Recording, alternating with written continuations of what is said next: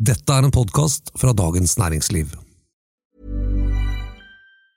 Hey, I'm Ryan Reynolds. Recently, I asked Mint Mobile's legal team if big wireless companies are allowed to raise prices due to inflation. They said yes. And then when I asked if raising prices technically violates those onerous two year contracts, they said, What the f are you talking about, you insane Hollywood ass? So to recap, we're cutting the price of Mint Unlimited from $30 a month to just $15 a month. Give it a try at mintmobile.com slash switch. $45 upfront for three months plus taxes and fees. Promo for new customers for limited time. Unlimited more than 40 gigabytes per month. Slows. Full terms at mintmobile.com.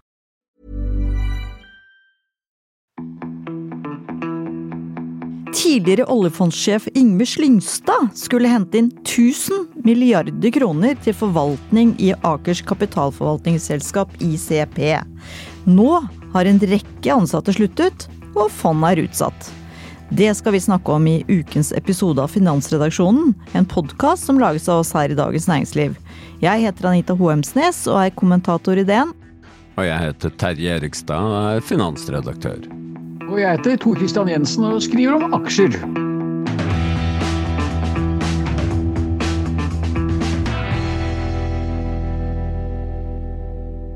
Og sitter værfast i Moss. Men det skal vi klare, vet du. DN har jo denne eh, uken skrevet flere saker om at Røkkes satsing på kapitalforvaltning ikke akkurat har tatt av. Men altså, aller først, Terje. Hvorfor driver Røkke og Aker med kapitalforvaltning? Er ikke det et ganske langt steg fra kjernevirksomheten innen olje, da? Jo da, det er det, men eh, de har sett et potensial som er potensielt enormt.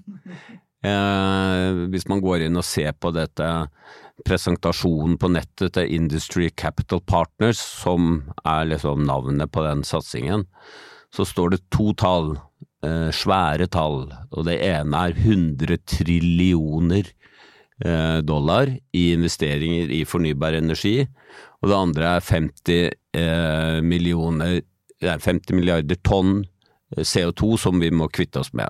Så det er liksom det utgangspunktet, at det er en enorm investeringskapasitet eh, som må til for å få til det grønne skiftet. Og derfor så har liksom Røkke tenkt at her kan vi være med, med vår kompetanse på energi, eh, og få bygd opp et fond. Men da kan ikke du bare forklare hva et fond, sånn type fond er? Det her er jo veldig langt fra mitt lille globale indeksfond, ikke sant? Jeg får ikke adgang til å investere i, i dette fondet. Nei. eh, Dette er typisk fond som store institusjonelle investorer da skyter penger inn i, eksempel store pensjonskasser, eh, statlige investeringsfond som oljefondet, som faktisk driver med den type investeringer nå innenfor eh, fornybar energi, og meldte i dag, da, denne, når vi spiller inn, at de har kjøpt seg inn i eh, fornybar energi i Spania fra den spanske Iberdola, som er en stor aktør på det området. Så dette er veldig spesialiserte fond som går inn og tar store eierandeler i eksempel solparker, vindkraftanlegg, eh, andre Alt annet enn olje, si. Ja, eh, det er jo egentlig logikken da, at det skal være i det grønne skiftet da. Mm. Men eh, Tor Christian, dette, har jo, dette er jo din favorittøvelse, for dette har jo på ingen måte gått på skinner. Så, så hva er det eh, Yngve Slyngstad, som eh, høy og mørk som han var, altså ikke så mørk kanskje, men i hvert fall høy da, for to år siden sa at jeg skal hente inn 1000 milliarder kroner for å, for å forvalte for Røkke. 100 millioner euro. Ja ja, men 1000 milliarder kroner høres bare veldig mye mer ut. Hva gikk gærent, Tor Christian? Ja, Kort fortalt så har det jo vært eh, en kollaps eh, innenfor grønne investeringer, altså fornybare investeringer. Vi så jo i 2020 og 2021, det var jo helt eh, ville vesten. altså Enorm prising og betalingsvilje blant investorene, og alt toppet seg helt i starten av januar 2021. Og siden den gang har det gått eh, stort sett nedover. Og det kan veldig godt illustreres med Akers eget paraplyselskap for de grønne investeringer, et selskap som heter Aker Horizons, og som hadde veldig store ambisjoner og hentet masse penger. Og den aksjen har jo falt med ca. 90% siden januar 2021. Eh, og Det reflekterer bare at betalingsviljen er lavere, og det skyldes dels fordi at eh, langrentene har steget kraftig, som vi har snakket om før i Finansredaksjonen. Samtidig som investorene ser at det kommer til å ta lengre tid å tjene penger på dette. Dels fordi at kostnadene har steget kraftig. Vi vet jo om inflasjon, og ikke minst da inflasjonen innenfor innsatsvarer inn i det grønne skiftet med stål og betong og alt som trengs for å lage disse strukturene. Så de har rett og slett fått markedet midt i fleisen. Men da, og da de skrøt jo veldig at de hadde fått inn en hotshot fra McKinsey Norge, som jeg nå plutselig ikke husker navn på. Det er jo ekstremt uproft, men det gjør sikkert dere. Um, Hallo, er det noen som husker navnet? ja, er dette en quiz? Vi, ja, nemlig. Martin Beck Holte forlater nå denne satsingen på ICP. Eh, og to andre også har eh, forlatt eh, dette fondet. Men det er for tidlig å si at det er liksom mislykka på en måte. Det er bare vi som liker å tenke at nå, ha-ha, du fikk ikke til det du sa du skulle. Altså, jeg eh, tror det er altfor tidlig å si om de lykkes eller ikke. Eh, bare for å ta en, eh, en, liten sånn internasjonal sammenligning av hvor lang tid det tar å bygge opp et fond i den størrelsen, og hvis man klarer det, hvor store verdier man kan skape. Så annonserte sist fredag BlackRock, verdens største forvalter, et oppkjøp av et eh, selskap som heter Global Infrastructure Partners, GIP. Det er et fond som ligner på det eh, Aker og Røkke og Slyngstad ønsker å bygge opp, nemlig eh, med investeringer i infrastruktur. Eh, mye energi, men også andre ting. Det fondet har da eh, forvalter av investeringer på litt over 100 eh, milliarder dollar. Eh, og det er jo ca. 1000 milliarder kroner. Det ble da solgt til BlackRock for 12,5 milliard dollar.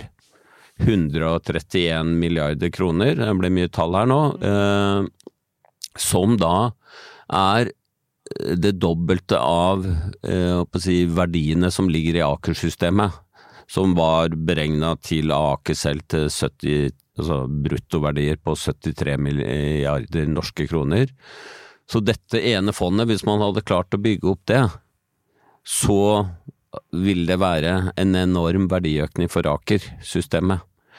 Eh, problemet er bare at det tok altså 18 år for GIP å bygge seg opp. Startet i 2006, og nå blir det da kjøpt opp av BlackRock.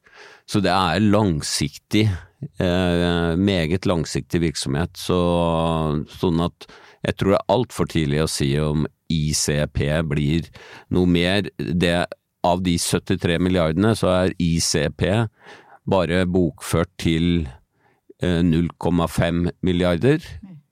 Eh, det er da basert på bokførte verdier, det har de liksom ikke anslått at de har skapt noe merverdi ennå. It's that time of the year. Your vacation is coming up. You can already hear the beach waves, feel the warm breeze, relax, and think about work. You really, really want it all to work out while you're away. Monday.com gives you and the team that peace of mind. When all work is on one platform and everyone's in sync, things just flow wherever you are. Tap the banner to go to Monday.com. Many of us have those stubborn pounds that seem impossible to lose, no matter how good we eat or how hard we work out. My solution is PlushCare. PlushCare is a leading telehealth provider with doctors who are there for you day and night to partner with you in your weight loss journey. They can prescribe FDA-approved weight loss medications like Wagovi and Zepbound for those who qualify. Plus, they accept most insurance plans. To get started, visit plushcare.com slash weight loss. That's plushcare.com slash weight loss. Quality sleep is essential. That's why the Sleep Number Smart Bed is designed for your ever-evolving sleep needs. Need a bed that's firmer or softer on either side? Helps you sleep at a comfortable temperature? Sleep Number Smart Beds let you individualize your comfort so you sleep better together. JD Power ranks Sleep Number number 1 in customer satisfaction with mattresses purchased in-store. And now, save 50% on the Sleep Number limited edition Smart Bed for a limited time. For JD Power 2023 award information, visit jdpower.com/awards. Only at a Sleep Number store or sleepnumber.com. Men, eh, men eh, Tor Christian, tror man da at eh, Eller liksom hvorfor skulle Aker, som da som sagt i hovedsak driver innen eh, olje, lykkes med dette? Hadde de noe kort i ermet som Røkke gjerne har? Du, Det er et veldig godt spørsmål, og jeg er jo ikke helt på linje med, med Terje når han sier at det er for tidlig å si at dette er hva skal vi si, en eh, fiasko eller sitt. Det, en det suksess jeg, ville Terje at det skulle Han sa det var for, sent, for tidlig ja. å si om det er en fiasko, men du ja, vil gjerne ta det fiaskoordet litt kjappere i bruk, skjønner jeg. Ja, det mener jeg. Det kan vi ta i bruk med en gang. I dag, f.eks. Hvorfor spare på det? Uh, hvorfor vente på, på, konfekten, holdt jeg på å si? Fordi at, uh, altså det er klart, uh, Aker var jo avhengig av dette momentumet som, som man så var der. Altså, på den tiden, altså, Det skal jo sies at jeg var jo skeptisk til dette allerede når det ble ble annonsert i 2021, og jeg spøkte med dem. Har dere, har dere blandet med nullene her? Og det er klart De, var, eh, de skulle da komme til 1000 milliarder kroner i forvaltningskapital i løpet av syv år. Ganske heftige ambisjoner. og Det kan vi nå bare slå fast at det kommer ikke til å skje. Det kommer de ikke til å få til. Så I forhold til det som var ambisjonene, så er dette en fiasko. Det er ikke mulig å komme utenom det etter, etter mitt syn. Um, og så er det som vi vet ikke, at det skal investeres uhorvelige summer innenfor fornybart, så at dette kommer til å være et beite, det er det ikke noe som helst tvil om. Og det som var Akers selling point, liksom som det de som skulle eh, differensiere seg med, var jo at eh, de har en masse eh, teknologisk kompetanse i Aker-systemet som de da kunne blande inn sammen med det rent investeringsmessige. Altså, da fikk de jo inn folk som Sligstad, altså supereksperter på, på, investeringer, og så blander man dette med Akers eh, teknologikompetanse. Og det, og det skulle gi en sånn der golden, golden mix. Men eh, når vi nå ser at de har jo enn til denne dag ikke hentet inn én krone, og folk begynner å slutte i selskapet, spesielt da innenfor det som var venturevirksomheten. Det er jo slik at dette ICP, som Terje nevnte, det er jo også en slags paraply med med, med, flere forskjellige typer selskap, investeringsselskaper inn under der. Og dette med venture-delen det ser jo ut til å nå ha stoppet eh, helt opp. Uh, og den virksomheten som ser ut som er det som er nærmest på en måte å, bli realisert, det er jo da at de skal investere i andre børsnoterte uh, papirer, uh, men da trolig ikke i Aker-noterte papirer. Så det som liksom, altså Dette storslagne byggverket som, som, ble presentert i 2021, det kommer ikke til å bli realisert, eh, og i hvert fall ikke innen tidsfristen. Det har jeg, har jeg ikke noe tro på. og Jeg skrev en børskommentar for en stund siden der hvor jeg jeg brukte jo nettopp kursfallet i Aker Horizons til å kalibrere størrelsen, for man så jo at det, her kollapset det jo rundt baut innenfor for det grønne. Og som jeg nevnte nå, er jo Aker Horizon-aksjen er jo ned av 90% Så hvis du bruker det til å kalibrere, så ta, si at da de 1000 milliarder skal da ned med 90% så er vi plutselig på 100 milliarder. Bevares det er penger, det òg, og jeg tror nok sikkert at de skal kunne klare å bygge det opp til til mer enn det. Men det som ble annonsert den gangen, det var jo en formidabel pengemaskin. Vi har jo det som heter innenfor den type forvaltning 220, heter det. og Det betyr at selskapet da kan eh, fakturere sine kunder 2 eh, forvaltningshonorar per år, samt 20% suksessfi av det, en eh, avkastning over en, en viss sånn terskelverdi så skal da Aker ha. Og Hvis du da eh, regner vi på det da, med 1000 milliarder, og så skal du ha 2 det blir 20 milliarder kroner i årlige forvaltningsinntekter. Det er jo helt fantastisk! Men, men, det ser vi jo nå at det kommer jo ikke til å skje. Ehm, og 2% er kanskje litt høyt, fordi vi vet at ICP skal hovedsakelig jobbe innenfor det som da er infrastruktur. Og la oss si at den Fien der kanskje da er på et eller annet sted mellom 1 og 1,5% så både Fien er lavere, og det man skal beregne Fien av, øh, blir lavere.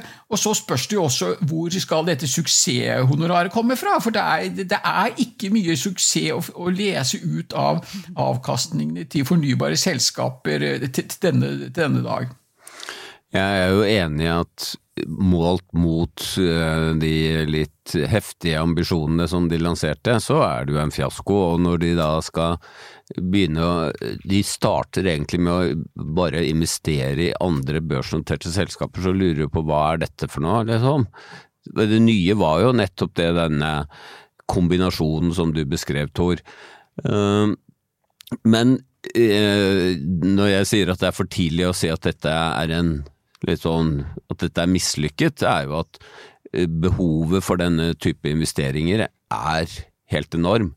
Og uansett om vi klarer å unngå en klimakatastrofe eller ikke, så, så er det Dette er massivt, altså. Og i det siste klimatoppmøtet, COP28, ble verdens land enige om å prøve å tredoble kapasiteten innen fornybar energi i, innen 2030. Og det er helt eh, voldsomt. Det er ikke sikkert man klarer det, men trenden er helt eh, udiskutabel. Og så kan man si ja, men nå har det jo vært fiasko og grønne selskaper har kollapset og vindprosjektet til Equinor i, i, USA er liksom stoppet opp eh, fordi eh, inflasjonen har, eller kostnadene har steget så mye. Ja, det er riktig det, men det viser seg at likevel så investeres det mer i fornybar energi enn det investeres i olje og gass og den forskjellen kommer bare til å øke. Sånn at du, du, det, det, er udiskutabelt at, at, her er det masse muligheter. Ja, det, det er jeg helt enig i, og, og, jeg tror også at uh, sjefen sjøl, Kjell Inge Røkke i Aker, altså, eh, som eier 67 av selskapet, jeg er helt sikker på at han, eh, han, tror på det grønne skiftet, men jeg tror ikke at han er villig til å bruke en vesentlig del av sin formue på dette veddemålet. Han eh, vil heller ha med da, andre til å investere inn, og derfor er nettopp dette forvaltningsselskapet en sånn fantastisk god idé, for det vet vi jo med forvaltningsselskaper. Det er ikke sikkert at de som kjøper eiendeler i fondet, tjener noe penger, men fondet, fondet tjener alltid penger. og Derfor er jo dette helt eh, genialt. Og, og så, som du spurte om, eh, Anita, hvorfor, hva er det med Aker som gjør at de skal kunne klare å hente inn disse pengene fra verdens største pensjonsfond? Og Det er jo et veldig godt spørsmål, eh, spesielt når vi vet da med Røkke og Akers litt sånn diskuterbar fortid, riktignok nå kanskje 15 år tilbake, med hvordan de behandlet uh, sine medaksjonærer. Uh, ikke alltid like vakkert der, selv om det har bedret seg betydelig de siste uh, 15 årene. Og, og, det holder jo å se på f.eks. Uh, dette Aker Horizon, som jo da kjøpte Mainstream Renewable, som er et fornybarselskap. Et irsk fornybarselskap. Kjempespennende, men hvor de har hatt masse, masse problemer. Eh, men der fikk de da Mitsui, et eh, svært japansk eh, investeringsselskap, til å spytte inn kjempebeløp for å ta en eierandel i mainstream. Dette var riktignok da mainstream og det grønne fortsatt var høyt priset. Men at Aker fikk til det, å få med seg en sånn så godt kjent aktør som Mitsui, tyder jo på at eh, det er muligheter for Aker å hente penger. Men disse beløpene som vi snakket om her nå, 1000 milliarder eh, kroner, det tror jeg nok vi kan eh, avskrive. Det er jo en interessant si, opp, et interessant oppsett som Røkke gjorde ved å hyre inn Yngve Slyngstad, Petter Johnsen, to veteraner fra, fra oljefondet, som jo har, er kjent i liksom den investeringsverden, altså det er kjente personer. De har troverdighet, de har liksom ledet et av de beste fondene i verden. Og så har du Akers kompetanse på ulike teknologiområder og sånt. Det er klart, eh, hvis du liksom kan kombinere den den troverdigheten til de personene med troverdigheten til, til, industriell kompetanse og teknologi, så har du et, i utgangspunktet et, en, god, en, god, forutsetning for å klare deg. Men, ja, men det er, det, ja bare, bare snakk, Tor.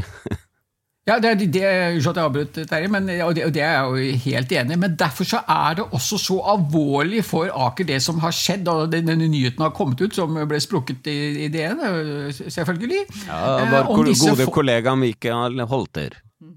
Eksakt. Om at disse folkene slutter, det tar seg jo ikke pent ut når de folk som skal sitte og forvalte pengene, plutselig stikker av. Og det vet vi jo. Eh, slik eh, forvaltning, det er personal business. Så unnskyld at jeg snakker engelsk, eh, Anita. Men, ja, det, altså, du gir deg jo ikke. Det spiller ingen rolle hva jeg sier om det. Aldri. det, er, det er personavhengig. Vi ser jo det ved store fond. Hvis plutselig hovedforvalteren gir seg. Det blir jo oppstandelse. Mange fond unnskyld, kunder trekker umiddelbart sine penger ut, for at de investerer i fondet nettopp fordi pga. forvalteren. Og Her har vi da nå sett da, en tre-fire av disse som skal forvalte pengene, tar sin eh, hatt og går, og det er jo ikke bra. Og Man kan jo bare forestille seg hva som skulle skje hvis eh, Slyngstad skulle gjøre det samme. Da er det jo, det er jo som å sette en, en nål i en kjempesvær ballong. Ja, og men Slyngstad har jo flere ganger sagt at det er ikke han som skal gjøre den jobben, fordi det er de unge talentene som nå han skal hyre inn og gjøre jobben. Og du har helt rett, det er skikkelig rødt flagg når unge talenter slutter før man i det hele tatt har kommet ordentlig i gang. Eh, og nå har de jo ikke noen eksterne kunder så vidt jeg vet om, så det, akkurat i dette tilfellet så er det ingen som kan forlate fondet, fordi det ikke, de ikke er der. Men kan Men, vi bare ta en liten digresjon da, fordi at Ok, fullfør Terje. Jeg nei, jeg, jeg skulle bare si det at, at, at denne eh, troverdigheten, den smuldrer jo opp hvis nøkkelpersoner som da har blitt hentet inn fordi de er store talenter, ikke ser at uh, Ikke tror lenger på prosjektet. Jeg har veldig tro på uh, akkurat for et nyoppstarta fond som dette, så tror jeg veldig på at personer betyr noe, ikke sant. At man liksom, for da har man jo ikke noe track record. Oi, der brukte jeg engelsk òg, ja. Mm. Har man ikke noe avkastningshistorikk? Vær så god. Eh, som man kan vise til og si at eh, jo jo, men se her, vi leverer som bare rakkeren, ikke sant. Men vi, som, vi, sitter jo blant annet i styret i Pensjonskassa Ideen, Terje. Og der får vi jo stadig inn liksom nå skal den og den uh, fondet skifte forvaltere. Da setter vi på et rødt flagg, som du sier, på det. Men når det gjelder etablert det er det som er digresjonen. Når det gjelder sånne etablerte fond eh, som har en, eh, for, en eh, avkastningsstrategi, dette gjør vi, hvorfor blir det så personavhengig? Jeg syns det er litt sånn kunstig og litt sånn Jeg syns det er litt kunstig. Altså, hvis vi eh, snakker om den type fond som eller investeringer som uh, Industry Capital Partners skal bygge opp, så er det jo fond hvor man har en veldig langsiktig investeringshorisont. Man gjerne kanskje binder seg til å være inne i flere år. Og da, da, er man på en måte låst inne. Eh, for det er, ikke, det er, ikke, likvide eiendeler som bare man kan selge på børsen eh, hvis man er misfornøyd, eh, eller fondsandeler, tradisjonelle. Sånn at hadde, hadde dette skjedd, hadde nøkkelpersonene gått etter at dette var bygd opp, så hadde det kanskje vært mindre skummelt. Men her forsvinner nøkkelpersoner før ja, man har kommet i gang. Ja, men det skjønner jeg. Men er du enig i det, eller er dere enig i det? At når eh, forvaltere, eller når liksom kunder sier at nå, nå, skal dere ikke putte penger i det fondet lenger, for nå har to av hovedforvalterne, eller én, sluttet, så, så, dermed så må vi finne noen andre. Det betyr jo at du må finne et annet fond eh, ja, ja. hvor du ikke kjenner forvalterne i det hele tatt, eller strategien. Jeg syns det er litt sånn derre holdt jeg på å si, litt sånn jålete bare for å liksom Å, se, vi agerer på Nå agerer vi her, dere. Nå, nå tar vi tak. Nå ser vi at noen slutter. Da bare Oi, oi, oi. Nå må vi liksom ja, jeg, jeg, jeg, vil være uenig i det, fordi det er som Thor sier, at, at uh, forvaltere som skaper merverdier, det er veldig sånn personavhengig. Uh, og selvfølgelig at de har en, en god struktur. Uh, og at de ikke liksom vingler fra den ene strategien til den andre. Hva tror Men, du, Tor Christian? Og jeg tror det er kjempeviktig å selv, altså Uansett hvor etablert det er og hvor mange strukturer de kan ha så mange strukturer de vil, men vi, vi vet jo det, vi ser det jo at dette skjer. Når, når, når, hovedforvalter i et, selv et etablert forvaltningsselskap gir seg, så ender det ofte da med at store kunder tar sine penger og går. Altså De investerer rett og slett av hovedforvalter. Eh, og når hovedforvalter stikker, ja, da stikker de også. Eh, men, litt tilbake til dette med, ICP. også for det som, Når dette ble lansert eh, i 2021, så, så var jo liksom en del av strukturen, og som gjorde det så genialt, sett fra Akers syn, var jo at ICP og alle disse pengene dels også skulle investeres det var i hvert fall ikke utelukket at det skulle skje i Aker-selskaper, altså grønne Aker-selskaper. Og det er jo helt fantastisk! Tenk deg det! altså Her får da ICP og Aker de får da penger for å forvalte kapital på vegne av eh, pensjonsselskaper. Og så skal de, noen av de pengene puttes i Akers egne selskaper. altså De får betalt for å finne penger til å putte i sine egne selskaper. altså Det er jo forretningsidé. Du må nesten være Kjell Inge Røkke for å finne på noe så genialt. Men ja, for nå, du kan jo tenke deg hvilke svar de i ICP får når de spør disse spesialistene i resten av Aker-systemet om hva syns dere, hva syns dere vi skal investere i, ja? At de kanskje får et lite tips om at eh, jo, eh, Aker har noen gode selskaper her, dere.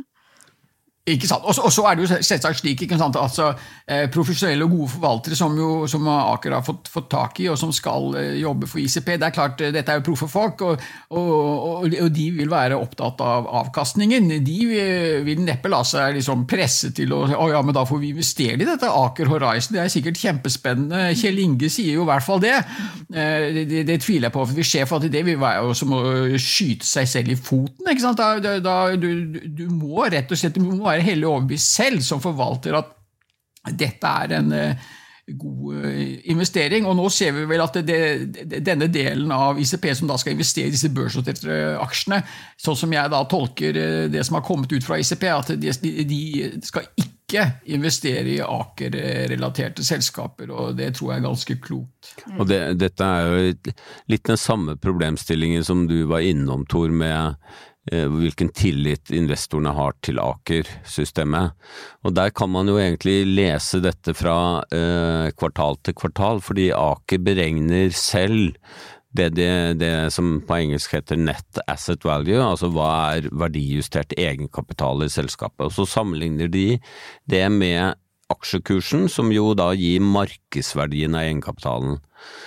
Og så er jo Aker et investeringsselskap, eier i, i ni børsnoterte selskaper. Eh, vi har snakket om det er olje og gass, det er Aker BP som er største, det utgjorde 57% av disse verdiene brutto ved siste kvartal.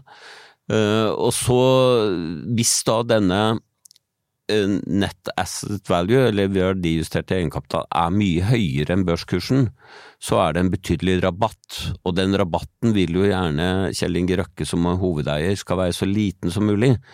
Men nå er den faktisk oppe på siste tallene som de la frem, eh, og sammenlignet med børskursen den gangen, da det ble publisert eh, tredje kvartal og 2. november, så ligger den rabatten på 27% og det er veldig høyt i forhold til snittet siden eh, begynnelsen av 2021. Da har eh, snittet vært 21% rabatt.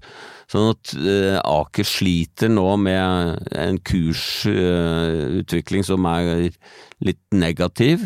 Selvfølgelig veldig styrt av olje- og gasspriser, særlig oljeprisen.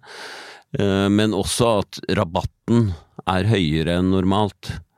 Og det er jo åpenbart noe Kjell Inge Røkke li, ikke liker.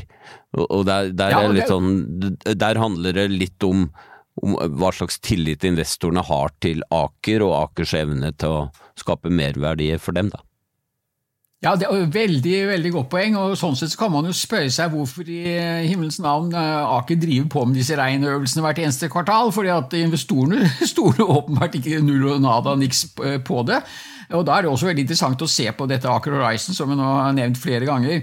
Eh, de gjør det jo akkurat på samme måten. De sitter og regner på, på verdijustert egenkapital, og, den er jo skyhøyt over prisingen av Aker og Horizon, som vel nå ligger ned på 3 milliarder eller noe. Og det, det store problemet er nettopp dette mainstream, som jeg nevnte som Aker har satt en veldig Jeg tror det er oppe i 10 milliarder. De mener selskapet er verdt kjempemasse. Men den, dette er jo da et selskap som ikke er børsnotert, så det er ikke så lett. og Du kan ikke bare hente ut en kurs, og så sier du at det er verdien. Den må du, må du selv sette, og det gjør da Aker etter Eh, etter holdt jeg på å si, eget eh, forgodtbefinnende. Eh, men hvis du ser på aksjemarkedets prising, den implisitte prisingen av mainstream, for den kan man jo beregne ved å se på hva prises Aker Horizons til, og det er f.eks. et annet selskap i det selskapet som heter Aker Aker Carbon Capture, og de er børsnotert. Så da kan du, du kan liksom eh, regne ut alle de som er børsnotert, og så har du liksom det som slumpen, det som blir igjen. Og den slumpen er veldig liten, så det betyr at det er veldig lite verdi implisitt på dette eh, mainstream. Og da kan man jo definitivt spørre seg hvorfor sitter man og lager disse verdivurderingene? Fordi at aksjemarkedet har ikke noe tillit til at de verdiene er der. Ok, Eh, da tror jeg vi har gitt oss en god dose med Aker i dag, og den litt spennende føljetongen som du selvfølgelig kan følge på dn.no om eh, hva som skjer inni dette ICP og Aker-systemet. Og så har jeg aller, alltid, eh, helt til sist, en liten eh, oppgave til dere. Fordi når Yngves Lyngstad 2021 kom med lanseringen av dette kapitalforvaltningsselskapet og sa at vi skal ha 1000 milliarder kroner innen syv år, så lagde vi en video i DN og da ble Inge Slyngstad spurt hvor mange nuller er det i 1000 milliarder? Da er spørsmålet, sender jeg deg videre til dere. Nå! Vil du ta den, Tor? Nei takk! Nei, vi hadde en liten runde på morgenmøtet i dag også, kommentaravdelingen. Kjetil Widsvang var kjappest ute med det riktige svaret. Terje? Ja, jeg eh, skrev en kommentar om eh, Microsoft og Apple. Mm. Og da ble det veldig mange tall, ikke sant? Eh, det er ni nuller etter én milliard og så må du da legge til tre nuller til, så får du 1000 milliarder. Ja, så da blir det tolv nuller i 1000 milliarder. Kjempebra. Tusen takk for at du hørte på Finansredaksjonen denne uken. Eh, vår produsent er Gunnar Bløndal. Ha det bra!